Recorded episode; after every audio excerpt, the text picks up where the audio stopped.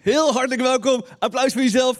Ook alle locaties die meekijken, Rotterdam en Amsterdam. Fantastisch om kerk te zijn. We zitten midden in de serie David, hoe we echt vrucht kunnen dragen.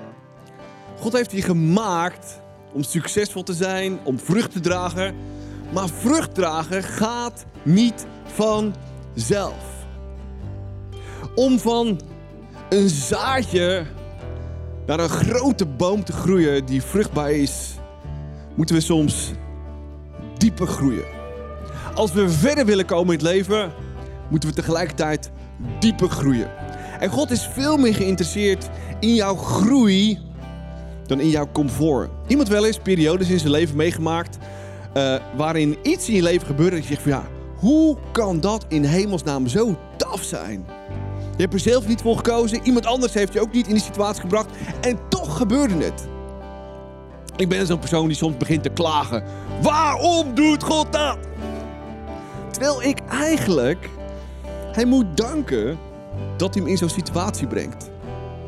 Omdat hij wil dat ik groei, dat ik sterker word en meer op hem ga lijken, zodat ik veel meer vrucht kan dragen zodat ik bergen kan, kan verzetten. No pain, no gain. En dat is wat we nodig hebben om meer rust te ervaren.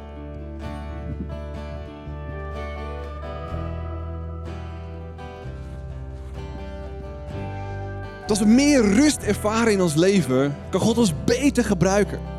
En als we meer rust willen ervaren, dan moeten we dieper groeien en dieper groeien en dieper groeien en dieper groeien en dieper groeien.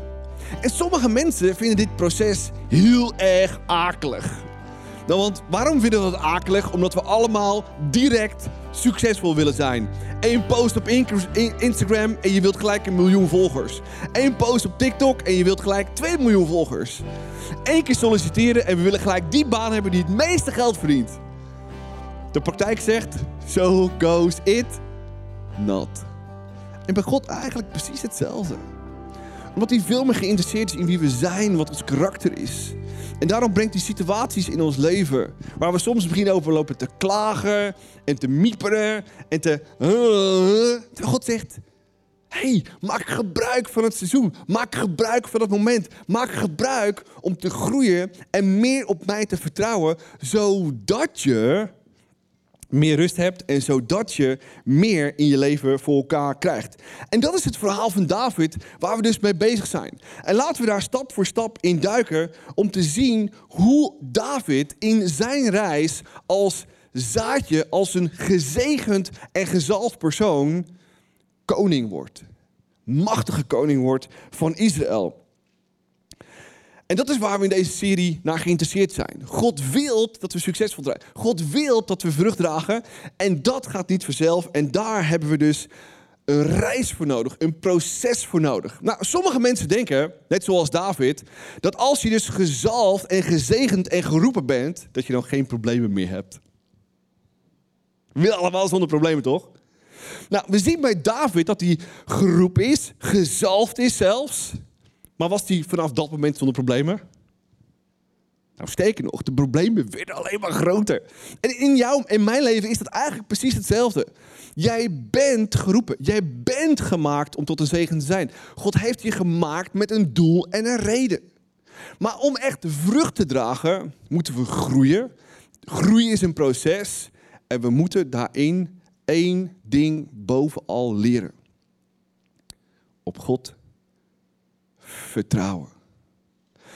Want als we leren op Hem te vertrouwen, krijgen we de rust in ons hoofd, hart en diep in onze ziel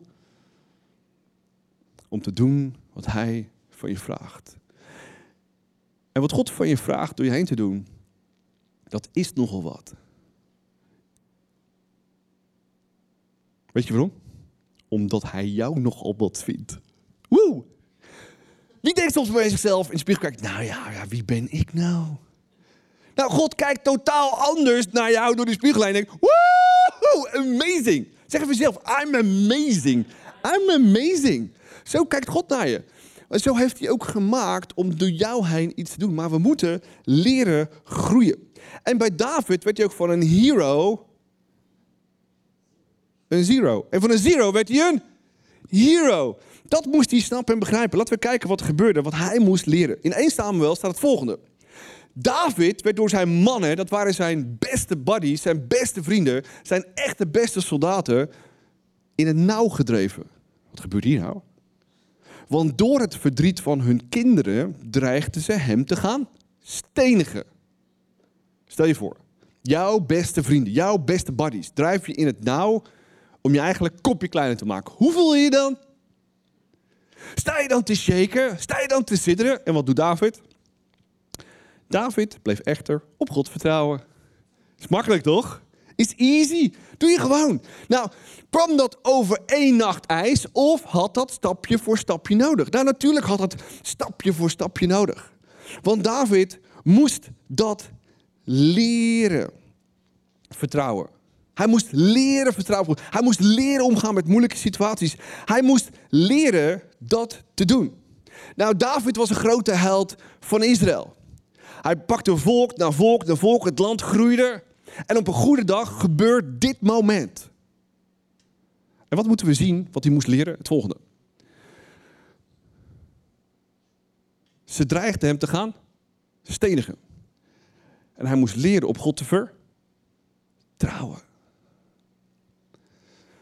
Er was hier iets akeligs gebeurd. Hij was een oorlog aan het voeren.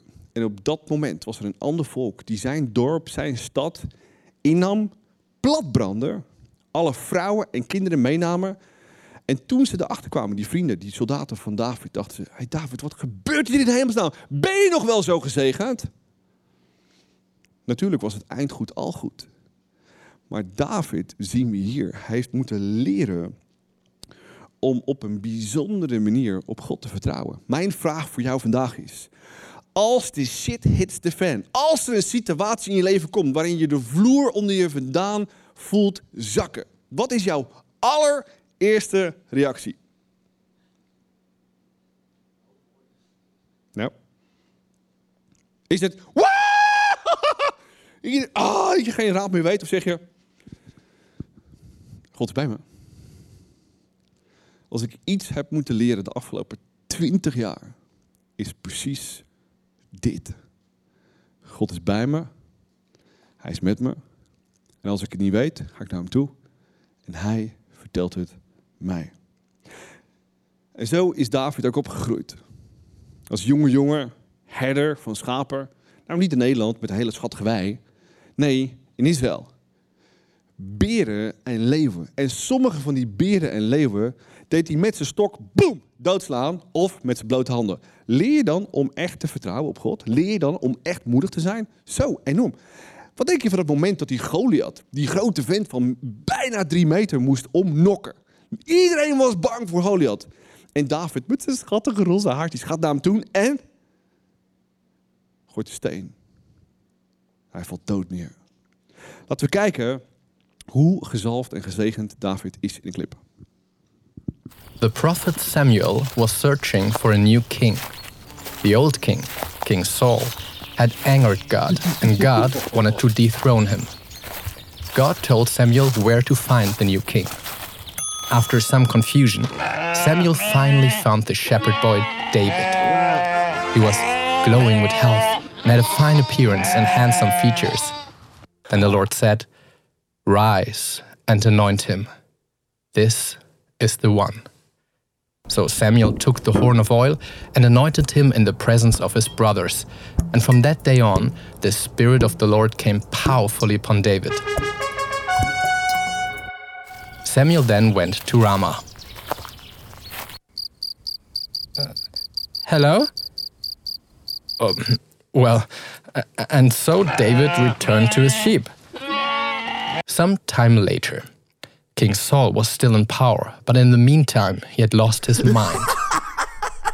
then some of his servants had an idea. Let's search for someone who can play the lyre. This will put your mind to rest and cheer you up. One of the servants suggested David, and Saul immediately summoned David to the court. Saul quickly liked David very much, and his music actually did help Saul. Wauw. David was dus gezalfd door Samuel als de volgende nieuwe koning. En als je gezalfd wordt door zo'n profeet, dan voel je. Woehoe! Dan wil je toch gelijk op die troon gaan zitten, of niet soms? En God zegt, so goes it not. We gaan eerst een paar dingetjes leren. We moeten eerst een paar dingen dieper in je laten groeien. Want je bent gezalfd en je bent gezegend en je hebt potentie, net zoals jezelf. Jij bent gezalfd, je bent gezegend en je hebt Gods potentie. Alles wat je nodig hebt, heeft God in je gelegd. Maar wat we moeten leren is, we moeten dieper groeien. Nou, laten we kijken vandaag naar drie belangrijke punten waarin David moest groeien, waarin jij en ik moeten groeien om daar te komen waar God ons wilt hebben. Nou, eerste gedachte is geworteld in je relatie met je schepper God. God wil dat, hij zo, dat je hem zo vertrouwt. Dat maakt niet uit wat God je vraagt. Zeg je, ready? Kan het nu zeggen? Ik heb moeten leren dat God tegen mij zegt, Arie, we gaan dit doen. Ready? Tien jaar geleden zei ik, oh, God, ik, uh, ja, ik zou wel willen vragen wat u wil doen, maar maak het alsjeblieft niet te heftig. En nu zeg ik, maakt niet uit, kom maar op. I'm ready. En ik hoop dat je ready bent. En David moest ook ready worden. En we moeten leren omgaan met succes. Billy Graham, een waanzinnig evangelist, die echt waanzinnige dingen heeft gedaan om deze wereld, zegt: Succes is het meest gevaarlijke van alle verdovende middelen. Is succes heerlijk? Is succes lekker? Maakt het soms ons een beetje verwaand? Heel heftig. We moeten leren omgaan met succes. En God wil dat we succes zijn, succesvol zijn. Maar hij wil niet dat we verwaand worden en het zonder hem kunnen leven. En David moest ook leren om met succes om te gaan. En Jezus vertelt hier precies hetzelfde mee om, dat we succesvol moeten zijn. Jezus vertelt over een gelijkenis, hè, waarin hij drie verschillende mensen verschillende talenten geeft. Twee van die mensen die verdubbelen en die derde die duwt het in de grond, zegt, nou, ik ben niet zo cool, nou, ik ben niet zo getalenteerd, nou, ik heb niet zoveel talent, dus ik doe er maar niks mee. Ik hoop niet dat jij als persoon denkt, ja, wie ben ik nou? Als God naar je kijkt, weet hij maar één ding. Ik heb je gemaakt, ik heb talent in je gelegd en ik wil dat je het verdubbeld en succesvol bent. Maar zeker niet verwaand. We moeten leren omgaan met succes. En David moest leren omgaan met succes. Hij moest leren omgaan waar zijn succes vandaan kwam. Dat God hem elke keer die succes gaf. En elke keer als hij het succes had in zijn leven, wie gaf hij dan de credit? Hij keek omhoog. We hebben het van God gehad. En laten we hem weer alle eer geven. Nou, de, uh, wie, wie zit hier uh, generatie Z mensen bij? Geboren tussen 1995 en 2012? Ja, ik val daar zwaar buiten. Ja, sorry. um, maar die generatie die denkt uh, heel heftig. Meer dan de helft, 57% van de generatie Z'ers, verwacht elk jaar promotie te krijgen. Dat is cool, hè?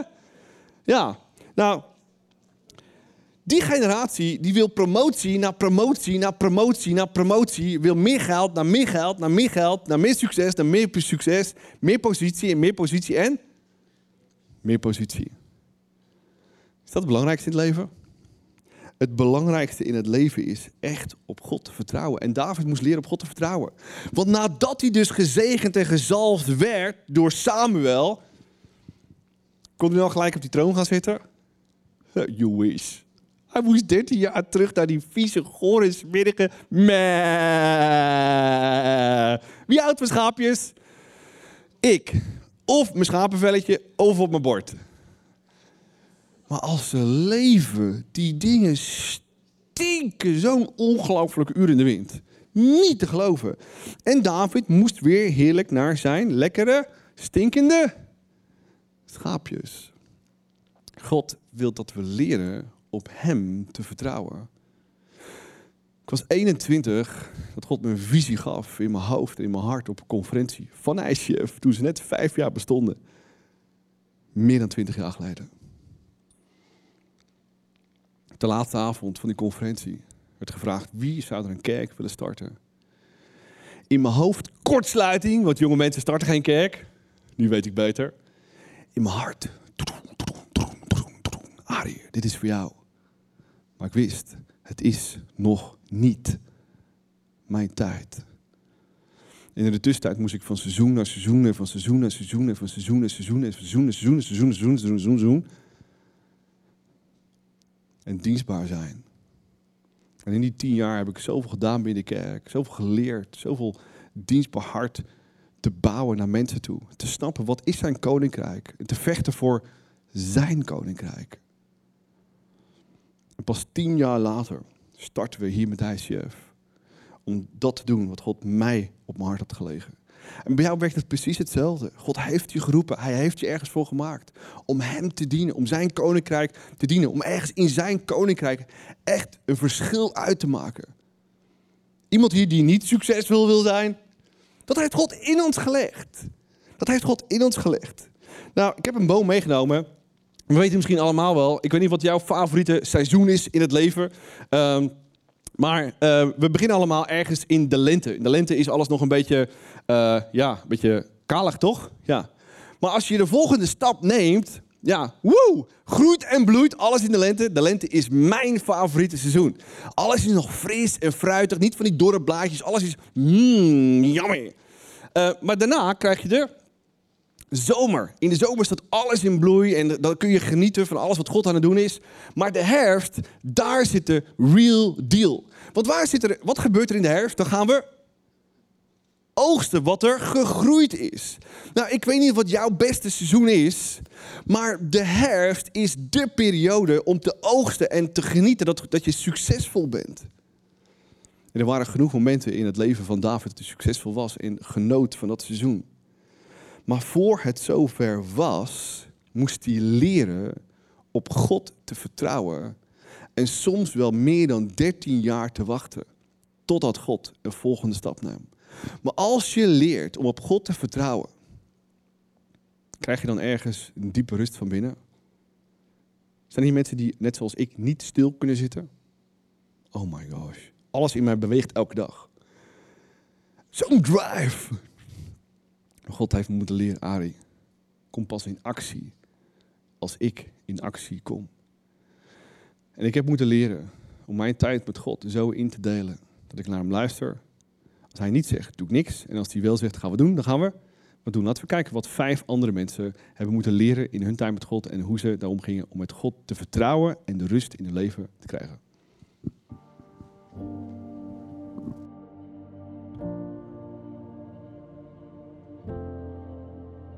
Hebben sinds kort een nieuwe tweedehands auto en die komt met een paar gebreken. Het is namelijk zo dat de lampen niet automatisch uitgaan. En als de lampen aan blijven staan, dan gaat de accu leeg. En als de accu leeg is, dan gaat de radio op slot. Ja, super stom dus. Want ik hou van muziek, ik hou van bellen. Voor mij mag er altijd wel geluid zijn. Totdat ik erachter kwam dat ik mezelf dus hoor nadenken als het rustig is in de auto. En dat ik mezelf dus ook in rondjes hoor nadenken. In, in frustratie hoor nadenken. En dat ik dat helemaal niet wil. En dat ik die daardoor dus ook gewoon dat bewust kan doorbreken. En die gedachten hardop aan God kan geven. Ik kan in de auto schreeuwen. Ik kan in, die, in de auto kan ik overal over praten. En vervolgens is het ook zo dat ik ook de rust kan pakken. Om vervolgens te wachten op een antwoord. En te vragen aan God wat hij erover denkt.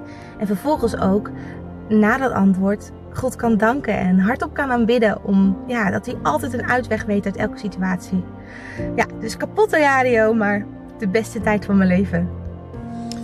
Afgelopen jaar is er in mijn leven veel veranderd. Vroeger kwam ik thuis van mijn werk en had ik echt nog eventjes een uur of twee uur de tijd voordat ik weer naar een afspraak ging of een meeting inga. Dus dan kon ik tot rust komen. Dat had ik echt nodig. Maar afgelopen jaar heb ik gemerkt dat dat moment er niet meer is, omdat we een fantastische kleine erbij hebben. Maar mijn sleuteloplossing, uh, die heb ik gevonden in het van huis naar werk fietsen en van werk weer naar huis fietsen. Uh, dat is het moment die ik nu gebruik om echt met God in contact te komen. Door met hem te praten, mijn zorgen te delen, mijn grote vraagtekens bij hem te stellen, mijn gedachten uit te spreken. Te danken voor waanzinnige dingen die gebeuren op dit moment. Dat heb ik afgelopen jaar ontdekt. Dat het moment op de fiets van huis naar werk en van werk naar huis het sleutelmoment is voor mij om tot rust te komen. En om God echt tot me te laten spreken en ook mijn hart met Hem te delen. Ik heb gemerkt dat ik het moeilijk vind om mezelf te concentreren als ik eh, zittend of liggend uh, tijd met God doorbreng. En daarom heb ik besloten om iedere ochtend, zodra ik wakker word, een rondje te maken door het park hier om de hoek. Uh, en gewoon al wandelend tegen God te praten. En ja, voor mij werkt dat echt top. Ik ervaar God het allerbeste uh, als het stil is. En wanneer is het stil? Uh, aan het begin van de dag. Ik heb uh, het laatste jaar echt ontdekt dat um, ja, het moment wat ik het meest fijn vind is eigenlijk als iedereen nog aan het slapen is. Ik heb een, een zoontje van anderhalf die, nou ja, die de rest van de dag genoeg aandacht vraagt. En ik vind het heerlijk om ochtends vroeg op te staan als uh, mijn man en mijn zoontje nog slapen. En dan lekker beneden met een theetje, yoghurt erbij, uh, uit de Bijbel te lezen. En uh, samen met God de dag te beginnen. En ik merk echt dat dat verschil maakt. Ik merk echt dat dat mij door de, door de dag heen heel veel rust geeft. En ja, toch een soort van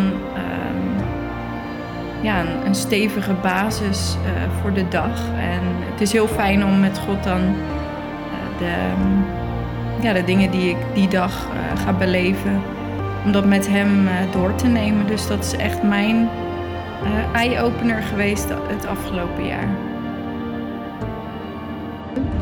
Ik vind mijn rust in God, zelfs in deze onmogelijke periode waarin ik afgelopen jaar eigen faillissement heb aangevraagd van mijn bedrijf. En uh, daarin heel veel onzekerheden terecht ben gekomen, financiële stress. Uh, heel veel druk, uh, onder, onder druk sta en dat heel erg merk op mijn lichaam. Maar het bijzondere is dat ik echt ja, God me meer ervaren dan ooit tevoren. En Paulus zegt ook, in je lijden vind je je vreugde. En dat is echt waar. En ik heb God echt heel hard nodig. En hij is er ook echt voor, voor ons. En ook als het gaat om financiële hulp, geeft hij ook echt waar je om vraagt. En uh, ik heb ook echt geleerd tevreden te zijn met wat ik heb en met wat ik krijg. En het is bizar hoe, oh, hoe wij een, een, een, heel moedig gebed hebben om schuldenvrij uit dit, uh, dit seizoen te komen.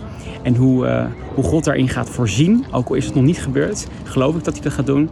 En zijn we al heel ver op de weg om dat te doen. Dus ik vind mijn rust absoluut in Almachtige God. Wauw. God wil dat we succesvol zijn. God wil dat we vrucht dragen. En als we dat willen doen en we willen klaar zijn voor het succes, moeten we eerst leren onze rust en onze wortels te schieten in God. Hem te vertrouwen op zijn timing om daar te komen waar we moeten zijn. Ik heb nog een fantastisch vers meegenomen. Jacobus 4 zegt erin het volgende. Ga dichter naar God toe, dan komt God dichterbij u. Iemand wel eens ervaren dat, waar God, dat God heel erg ver weg is? En je afvraagt, ja, wat je, waar is nou mijn tijd met God gebleven? Ik wel. En soms is het een dag voorbij, een week voorbij, soms een maand voorbij. Oh ja, ik heb alweer helemaal geen tijd met God gehad. Om gewoon stil te zijn, zijn woord te luisteren. En te zien wat hij tegen je te vertellen heeft op een rustig en stil moment. In die dertien jaar dat David wachtte, was zijn moment om diep, diep, diep geworteld te zijn in zijn God. Om het gevecht aan te gaan met een beer of met een leeuw. Wetend, God is bij me en ik kan dit. We moeten diep geworteld zijn in Hem. De tweede gedachte voor vandaag is: Are you ready? I'm ready. Geworteld te dienen op de plek van jouw invloed. Geworteld te dienen de plek van jouw invloed. We hebben allemaal een plek gekregen om God te dienen. Misschien in je gezin of op je werk. En misschien vraag je af, wat doe ik hier in hemelsnaam? Je dient God op de plek waar je invloed op hebt. Welke plek was dat voor David?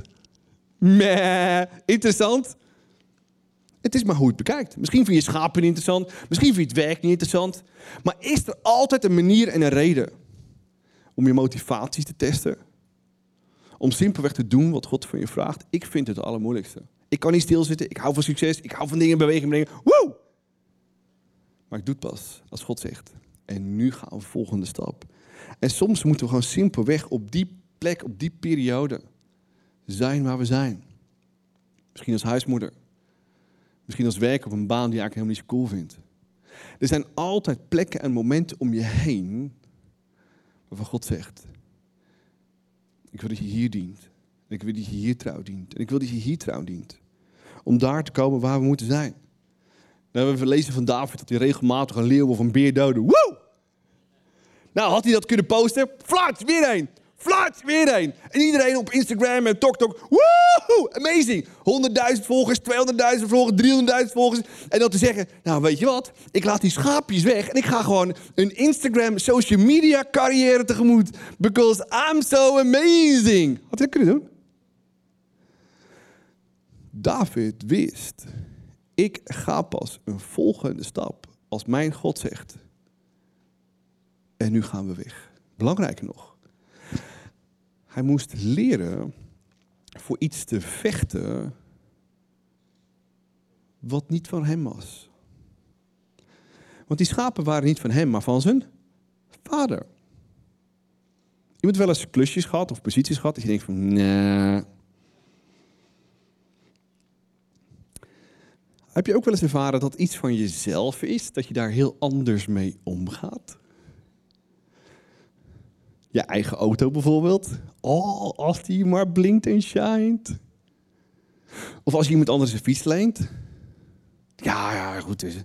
Wel eens meegemaakt dat iemand in jouw huis komt dat je denkt van... wat een assholes zijn dit. Doen ze dit thuis ook? Over de pot heen zeiken of andere dingen?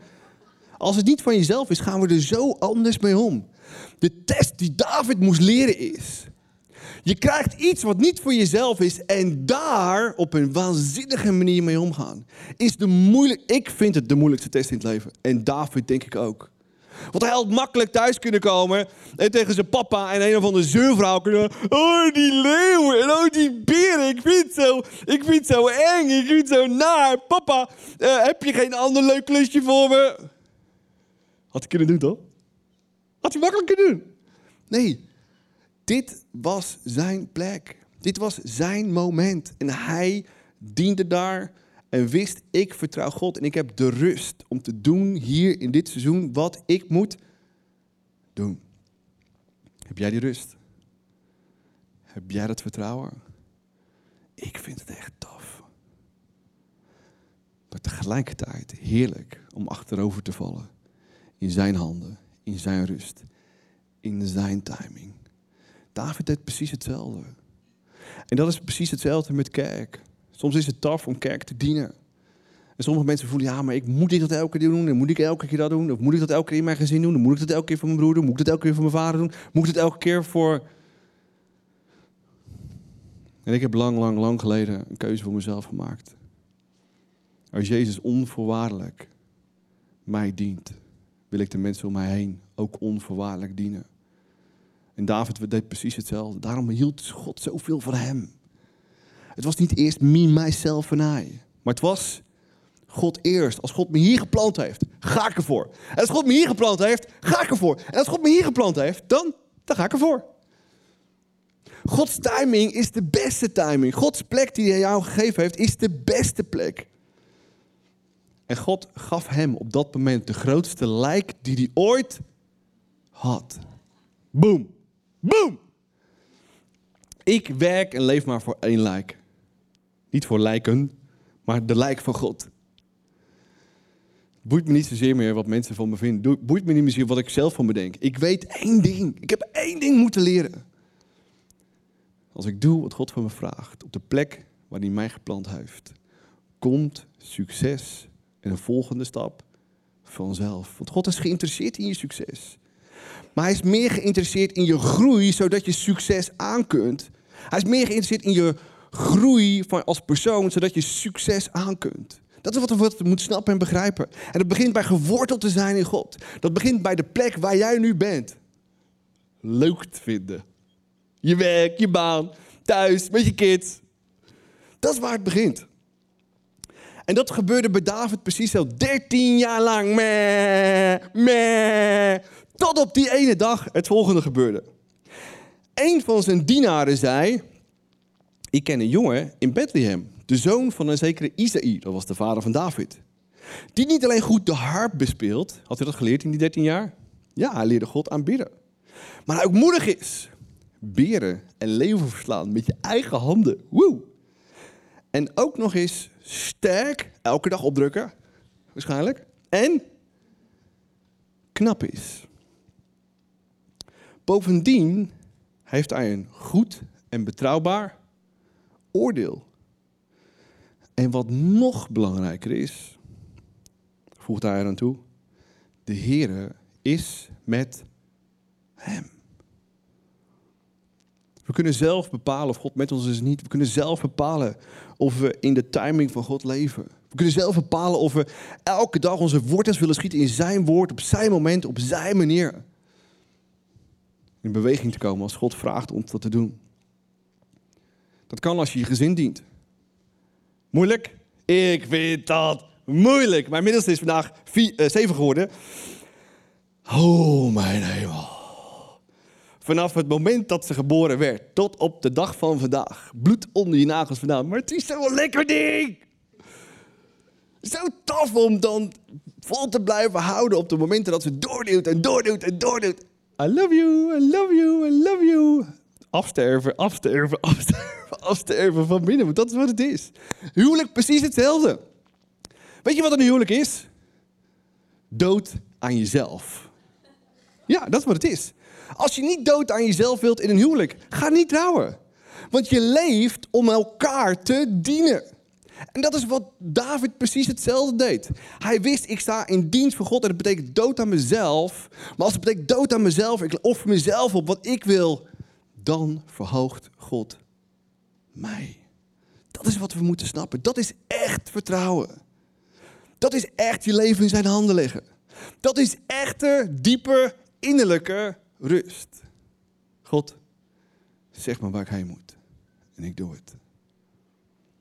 Laten we kijken naar de laatste gedachte van vandaag. Geworteld in de beloftes van God. De Bijbel staat vol met beloftes.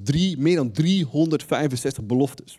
Waarin God zegt, als jij dit doet, doe ik dat. Als jij dit doet, doe ik dat. Als jij dit doet, doe ik dat. God wil met ons partneren, met ons samenwerken. Elke dag weer. En datgene doe jou heen te doen. Wat hij voor jou heeft klaar liggen. En in 1 Samuel lezen we het volgende. En terwijl David daartussen zijn broers stond, pakte Samuel de olie die hij had meegebracht en goot die over Davids hoofd, hoofd heen. Olie all over the place. En op dat moment kwam de geest van de Heer over David en vervulde hem van die dag. En Samuel keerde terug naar Rama. De belofte was op dat moment: David, ik zalf je, ik zegen je, ik ziel je met mijn Heilige Geest. En jij bent geroepen om te doen wat jij moet doen. Maar wat er bij David gebeurde, gebeurt bij ons precies hetzelfde. Want vanaf het moment dat je snapt en begrijpt dat Jezus voor je stier, vanaf het moment dat je hem in je leven haalt, zegt Jezus, bedankt voor wie ik ben, bedankt dat hij me vergeven heeft. Vul me met uw Heilige Geest. Het gaat hier niet om die olie, maar dat we vervuld worden met Gods Heilige Geest. En als je gevuld bent met Gods Heilige Geest, dan ben je gezegeld, gezalfd om dat te doen wat God door je heen wil doen. En als je hier vandaag zit en denkt, wie ben ik? Vraag je af, hoe ziet God mij? Wat heeft hij voor mij klaar liggen? God heeft je gezalfd en gezegend om daar te zijn waar je moet zijn. Durf op die belofte te gaan staan. Durf die belofte te gaan staan dat als je gevuld bent met zijn geest, dat hij tegen je spreekt. Dat je hem er de tijd voor neemt. Dat je stil bent. Dat je durft te geloven dat de plek waar je nu bent van invloed kunt zijn. Trouw kunt zijn, kunt leren dienen. Hem te vertrouwen, echt de rust in jezelf te krijgen. Had jij het over in de pre-show?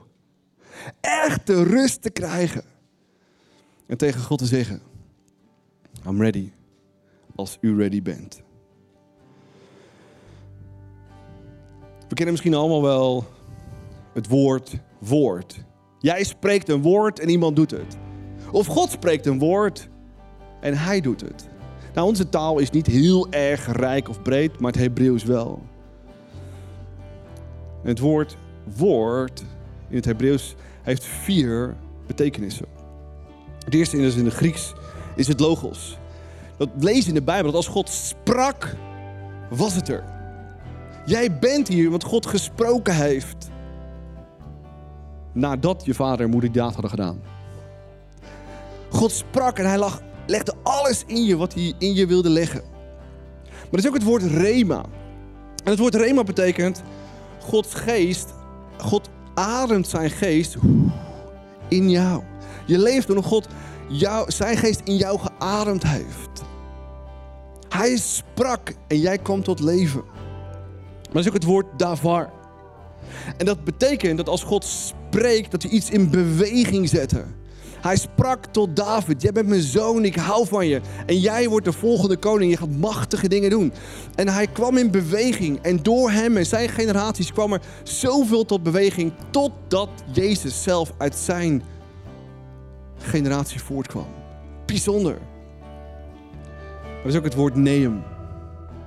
Wat betekent dat God openbaringen geeft. Er waren zoveel openbaringen in het leven van David. Wanneer God sprak, doe nu dit. God sprak, doe nu dat. En God sprak, doe nu zus. En hij deed precies wat God van hem vroeg. En soms kan het in ons leven, net zoals bij David zijn. David werd geroepen, gezalfd door Samuel. Eén woord, jij wordt de nieuwe koning. En wat God bij David deed door Samuel, doet hij bij jou en mij precies hetzelfde. Als we durven te geloven. God sprak tegen mij, Ari, ooit bouw jij een kerk. En tegen jou zegt hij misschien doe dit, of doe dat, of doe zus, of doe zo. Waar begint het? Geworteld te zijn in zijn woord. Te gaan staan op zijn beloftes en op de plek waar God je gebracht heeft. Trouw te zijn voor iets niet wat van jou is. God ziet je hoofd, hij kent je gedachten, hij kent je hart. En wil maar één ding doen. Dat je succesvol bent. En in de tussentijd dat je groeit. Ik stel voor dat we nu gaan, gaan bidden. Dat we simpelweg ook ergens stil zijn. Dat we God laten spreken. Misschien een woord in je hart. Misschien een impressie die je ziet over wat God door je heen wil doen. Laten we geloven vandaag. Dat hij echt door jou heen vrucht wil dragen. Bergen wilt verzetten. Dat hij tegen jou een woord wilt spreken over depressie heeft. Zullen we stil zijn? Jezus, dank u wel voor wie u bent. Dank u wel voor het waanzinnige verhaal van David. David, waarvan u zei, een man naar uw hart. Die vanaf jongs af aan de keuze maakt, ik volg mijn God. Hij aanbidt u op al die momenten, met name op die momenten waar het moeilijk was. Maar hij wilde dicht bij u zijn. De rust hebben. De vrede hebben die het menselijk besef te boven gaat. Dank u wel dat u David zalfde. Als man van God en de volgende koning van Israël. Maar ook hier nu vandaag zijn we gezegend en gezalfd, want we dragen onze, uw Heilige Geest met ons mee. Zodra we ons leven aan u hebben gegeven. Zodra we dankbaar zijn voor wat u deed voor ons aan het kruis. En Heer, we zijn dankbaar voor wat u deed aan het kruis. Dank u wel dat u me vergeven heeft. Kom in mijn leven. Vul me met uw Heilige Geest. Zegel me. Zodat iedereen weet dat ik uw zoon of dochter ben. Maar belangrijker nog. Dat u door mij heen iets bijzonders wil doen. Daarom draag ik uw Heilige Geest met me mee. Leer me om stil te zijn. Maar hier nu boven alles vragen we op dit moment. Geef me één woord, één gedachte, één beeld in mijn hoofd. Wat mijn roeping is. Of ik de rest van mijn leven kan vasthouden. En ik wacht en werk aan mezelf in de tussentijd. Om klaargestoomd te worden voor die taak. Laten we stil zijn.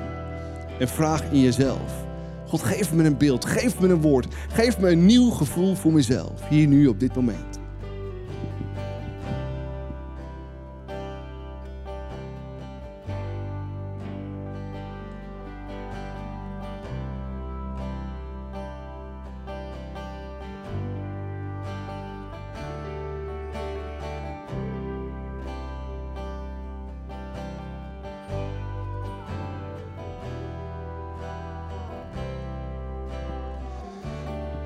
Jezus, misschien heeft u op dit moment hier gesproken tegen ons en daar willen we u ongelooflijk voor danken. En misschien voelden we niks, ervaren we niks. En dat is op dit moment oké, want ik wil stil zijn en stil blijven. Thuis, elke dag, moment te zoeken en te kiezen om stil te zijn. En ik weet, u gaat dichterbij komen, wat u beloofd heeft. Dat als we dichter bij u komen, komt u dichter bij ons. Dank u wel voor mijn leven. Dank u wel hoe u gemaakt heeft. Dank u wel dat u wilt dat ik groei en dat ik vrucht draag. En dank u wel dat u daar bij me bent. Om mij te helpen. Dank u wel voor deze kerk die mij wilt helpen. Daar te komen waar u mij wilt hebben. Dank u wel ook voor mijn small voor mijn team. Dat we het samen kunnen doen. Dank u wel dat u van me houdt. Mij omarmt. En geïnteresseerd bent in mijn succes. En mij wilt laten groeien als ooit tevoren. Ik leg mijn leven in uw armen. En ik wil meer rust ervaren als ik u vertrouw. In Jezus' naam. Amen. Ik weet niet wat voor fase van je leven zit, wat je moeilijk vindt, wat je lastig vindt. Er zijn ook zoveel fases in mijn leven geweest de afgelopen seizoen, met name corona. En ik maar één ding deed. Ik was hier, keek omhoog. Ik legde elke dag weer alles in zijn armen. En misschien is het hier nu de plek en het moment om jouw situatie, jouw uitdaging in zijn armen te leggen. En het van hem alleen te verwachten. Laten we het doen met worship, want dat is wat worship is. Alles verwachten van hem. Laten we gaan staan en worshipen.